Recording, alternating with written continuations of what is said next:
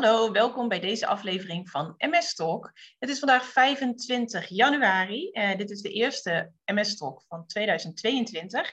Een heel klein beetje anders dan je gewend bent, want ik zit hier uh, niet met uh, dokter Gerald Hengsman. Ik zit hier met Willemijn Faber, revalidatiearts in Heliomare.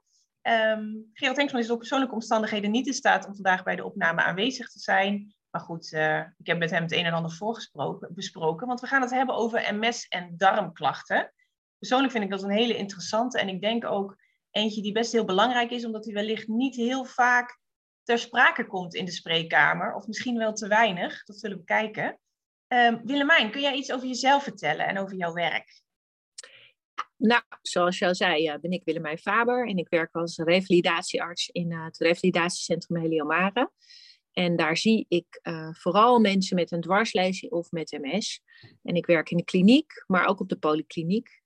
En um, ja, eigenlijk heeft darmfunctioneren bij deze groep mijn speciale interesse. Eigenlijk al jaren. Vooral ook omdat ik merkte dat het toch wel een onderbelicht thema is. Maar wel met enorme gevolgen. Vooral ook op sociaal gebied. Ik zag heel regelmatig mensen, vooral dan op de poli, die eigenlijk gewoon de deur niet meer uitkwamen door de darmklachten die ze hadden. En um, nou, met die wetenschap ben ik begonnen aan een wetenschappelijk onderzoek dat is eigenlijk alleen maar groter en groter geworden. En inmiddels is dat een promotieonderzoek, waarbij we heel specifiek kijken naar neurogene darmklachten, zoals het dan mooi heet, bij mensen met een dwarslesie of MS. Nou, dat kort. Oké, en waar, waar komen in specifiek MS darmklachten vandaan? Want ik denk dat heel veel mensen wel weten dat dat een, een, een, een, een bepaalde combinatie heeft met elkaar. Maar wat ja. veroorzaakt die darmklachten? Ja, nou wat je ziet bij mensen met MS is dat de darm zelf eigenlijk niet het probleem is, maar dat het probleem ligt in de aansturing van je darmen. Uh, dus als je gezond bent en je kan gewoon naar het toilet, dan gaan er een heleboel dingen vanzelf zonder dat je dat doorhebt. Maar eigenlijk is uh, iedere dag een goed ontlastingspatroon hebben best nog wel ingewikkeld. Want daarvoor heb je nodig dat je darmen voldoende bewegen, uh, wat maakt dat de ontlasting eh, voldoende snel door je darmen heen gaat. En je hebt ook nodig dat je kan voelen wanneer er ontlasting aan het einde van je darm zit. En je hebt ook nodig dat je het kwijt kan raken. Dus het is best een ingewikkeld proces. En als je MS hebt, heb je een probleem met het zenuwstelsel en daarmee vaak dus ook met de aansturing van die darmen. En tot welke klachten kan dat leiden? Wat zie jij vaak bij mensen met MS? Ja, nou, de grootste, ik denk de meest voorkomende klacht is dat mensen vaak heel veel last hebben van obstipatie. Dus dat het ze veel moeite kost om naar het toilet te gaan. En als ze dan gaan, dat de ontlasting dan vaak heel erg hard is en lastiger uitkomt. Ik denk dat dat de meest voorkomende klacht is. Maar ik denk de allerergste klacht die je kan overkomen is dat je incontinent bent. Dus dat je zomaar ineens ontlasting verliest op een moment dat het totaal niet uitkomt. En helemaal als je dan ook nog problemen hebt met lopen of in een rolstoel zit, dan is dat nog eens dubbel onhandig. En, en ik denk dat dat ook hetgene is dat je met alle macht probeert te voorkomen. Want dit, dit zijn de mensen die ik dan op de politie die zeggen: ik kom eigenlijk de deur liever niet meer uit, want ik ben als de dood dat ik een ongeluk heb. En komt het vaak voor? Nou, darmklachten bij MS komt eigenlijk heel vaak voor. Als je kijkt in de literatuur, eigenlijk bij meer dan de helft van de mensen. En soms is het zelfs het eerste symptoom van het ontstaan van de ziekte MS. Maar als je het vraagt aan professionals, dan is het echt nog niet zo bekend. En inmiddels weten we dat blaasklachten ook heel veel voorkomend zijn. Er is ook al veel meer aandacht voor. Maar darmklachten is echt nog letterlijk een ondergeschoven kindje wat dat betreft.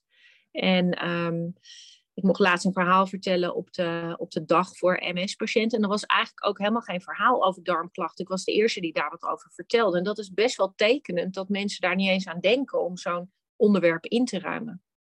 Ja, want ik, ik weet bijvoorbeeld van mezelf, hè, want ik spiegel vaak aan mezelf, is mhm. ik heb jaren geleden ooit, voordat ik, lang voordat ik de diagnose MS kreeg, ooit de diagnose prikkelbare darmsyndroom gehad. Is dat dan met terugwerkende kracht mogelijk dat dat toen al in verband heeft gestaan met MS? Ja, ja, zeg het maar. Zou kunnen. Je bent in ieder geval niet de enige waarbij de ziekte hè, zich openbaart met darmklachten. Dat blijkt uit de literatuur toch vaak voor te komen. En ik denk, hè, zelfs dat getal wat in de literatuur te vinden is, is waarschijnlijk ook lager, omdat mensen vinden het heel lastig om dit probleem aan te kaarten. Er ligt echt een taboe op. Ik denk zowel bij de hulpverlener, maar ook bij de mensen zelf met MS. Maar wat je eigenlijk zegt, eh, wordt het besproken in de spreekkamer door neurologen? Of wordt het voldoende besproken in jouw ogen? Nee, kan ik denk ik heel kort over zijn. Ik denk dat het veel te weinig wordt besproken. Want de mensen die ik zie, ik denk de hele kleine minderheid heeft het daar al een keer over gehad. En ik kom ook vaak tegen bij mensen, als ik vraag, heeft u problemen met ontlasting? Zeggen mensen heel vaak, nee, dat gaat wel. Maar als je dan doorvraagt, dan blijken er eigenlijk bij, nou ook, ik denk bij de 80% van de mensen die ik zie met MS toch wel problemen te zijn. En die variëren natuurlijk heel erg in, in ernst en in aard en hoe invaliderend ze zijn. Maar het komt echt heel vaak voor. En wat ik ook vaak zie is dat mensen denken, ja, maar ja, ik heb dit nu en het zal er wel bij horen en ik heb het er maar niet meer over. Terwijl het vaak toch nog wel beter kan worden dan dat het is. Nou ja, dat, is, dat vroeg, vroeg ik me ook af. Heerst er niet over het algemene mening van, ja, er is toch niks aan te doen. Weet je, het hoort erbij. Ja. We accepteren het maar ook maar weer, weet je wel, als bijkomende kracht. Ja, ik vrees dat dat zo is. En um, als je wat wil verbeteren op dat gebied, heb je vaak ook wel een aanpak nodig vanaf meerdere kanten. Dus het begint vaak heel basaal van, oké, op welk moment van de dag heb je ontlasting? Daar kan je namelijk een advies over geven. Er zijn bepaalde momenten op de dag dat je het beter kan doen dan op andere momenten, omdat je dan gebruik maakt van de natuurlijke reflexen van je lichaam. Je kan het hebben over hoeveel, hoeveel water drink je eigenlijk op een dag. Is dat wel genoeg?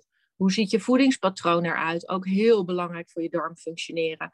Hoe zit je op het toilet? Doe je dat in een goede houding? En dat zijn eigenlijk nog maar de basisprincipes waar je het eerst eens over kan hebben. En als je er daar niet mee uitkomt, dan hebben we ook nog een scala aan therapiemogelijkheden. Hè? Dus je hebt allerlei pillen en poeders die je kan proberen. Je kan je darmen spoelen met een speciaal darmspoelapparaat. En je kan ook nog besluiten tot het aanleggen van een stoma. En dat laatste is natuurlijk best wel een grote, invasieve, niet omkeerbare in principe operatie. Maar ook uit de literatuur blijkt dat wij in Nederland eigenlijk heel erg laat zijn met een stoma te adviseren als je het vergelijkt met de landen om ons heen. Ja, ja en dat is, dat is neem ik aan het laatste ding wat je uiteindelijk besluit. Hè? Voor, voor iemand in, in mijn geval met PDS-achtige klachten, dus prikkelbare darmachtige klachten, is dat niet een oplossing nee. die je zal kiezen, zeg maar. Nee. Nee, dat denk ik ook niet. Maar er is een groep mensen waarvan je denkt, daar zou je het eigenlijk wel moeten voorstellen. En dat gebeurt ook nog te weinig.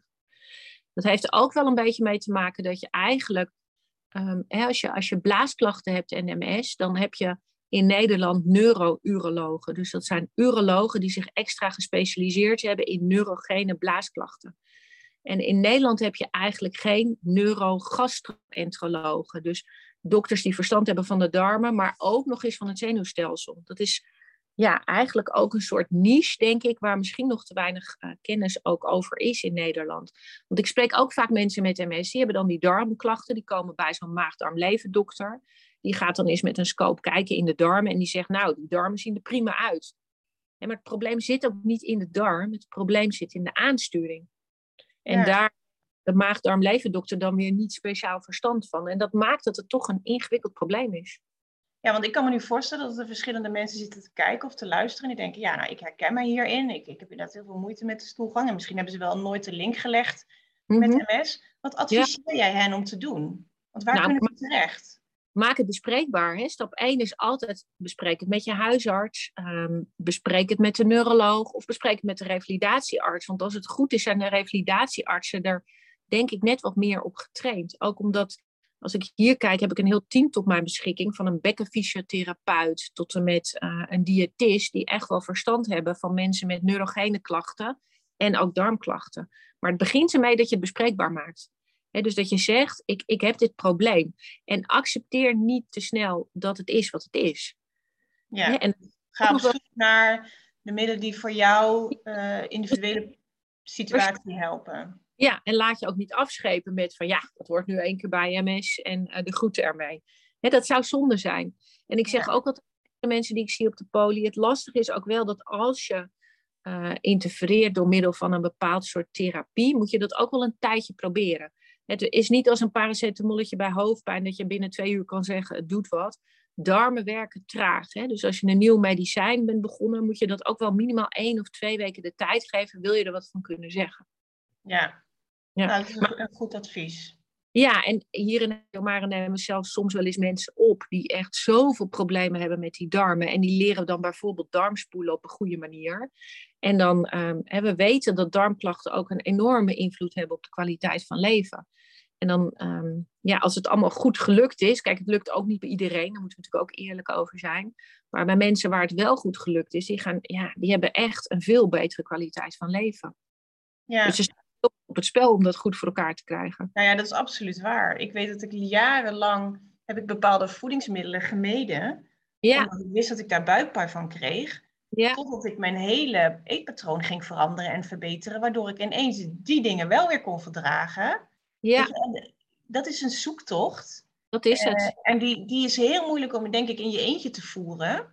En als je daar inderdaad hulp bij kunt krijgen van iemand die um, het toch iets meer van de, de neurogene kant weet, is dat natuurlijk heel prettig. Hè? Dus ik moet denken aan, wij hebben bij MS ook heel veel diëtistes aangesloten, die gewoon echt uh, opgeleid zijn als het gaat om MS. Dus ik wil dan inderdaad ook echt mensen aanraden, hè? kijk dan eens op de zorgzoeker naar mensen die daar echt wat meer uh, van weten dan het gewone, de gemiddelde diëtist. En niks ten nadele van hen natuurlijk. Nee, maar, maar inderdaad, als, ja, als je echt uitgaat van er zal wel iets met die darm zijn, terwijl dat het probleem ergens anders ligt, dan is die zoektocht wel de moeite waard wellicht. Ja, en vaak zie je dat uh, als je nou kijkt naar de revalidatiecentra, er zijn er acht in Nederland waar ze ook dwarslesie-patiënten helpen. En die klachten op het gebied van darmen zijn zeer vergelijkbaar. Dus je zou ook kunnen kiezen voor een van die acht centra, om daar eens een revalidatiearts te vragen of ze nog een goed advies voor je hebben. Kijk, ja. dat zijn concrete dingen waar we, waar we iets mee kunnen. Ja. ja. Hartstikke fijn. Ik denk dat dit heel erg helpt uh, om het sowieso uit de taboesfeer te halen. Ja, ik hoop. we allemaal, maar op de een of andere manier praten we er niet over.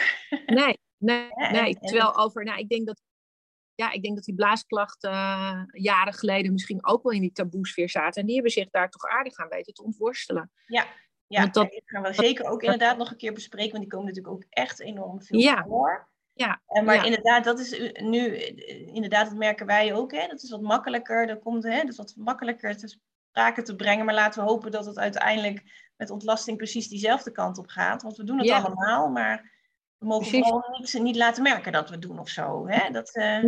En omdat je het ook allemaal iedere dag eigenlijk doet, heb je er ook iedere dag ellende van als het niet goed gaat. Ja, exact. Ja. Nou, Willemijn, heel erg bedankt uh, voor je tijd en je verhaal. Het was heel helder.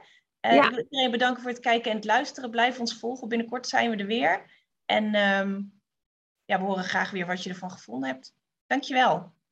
Dankjewel.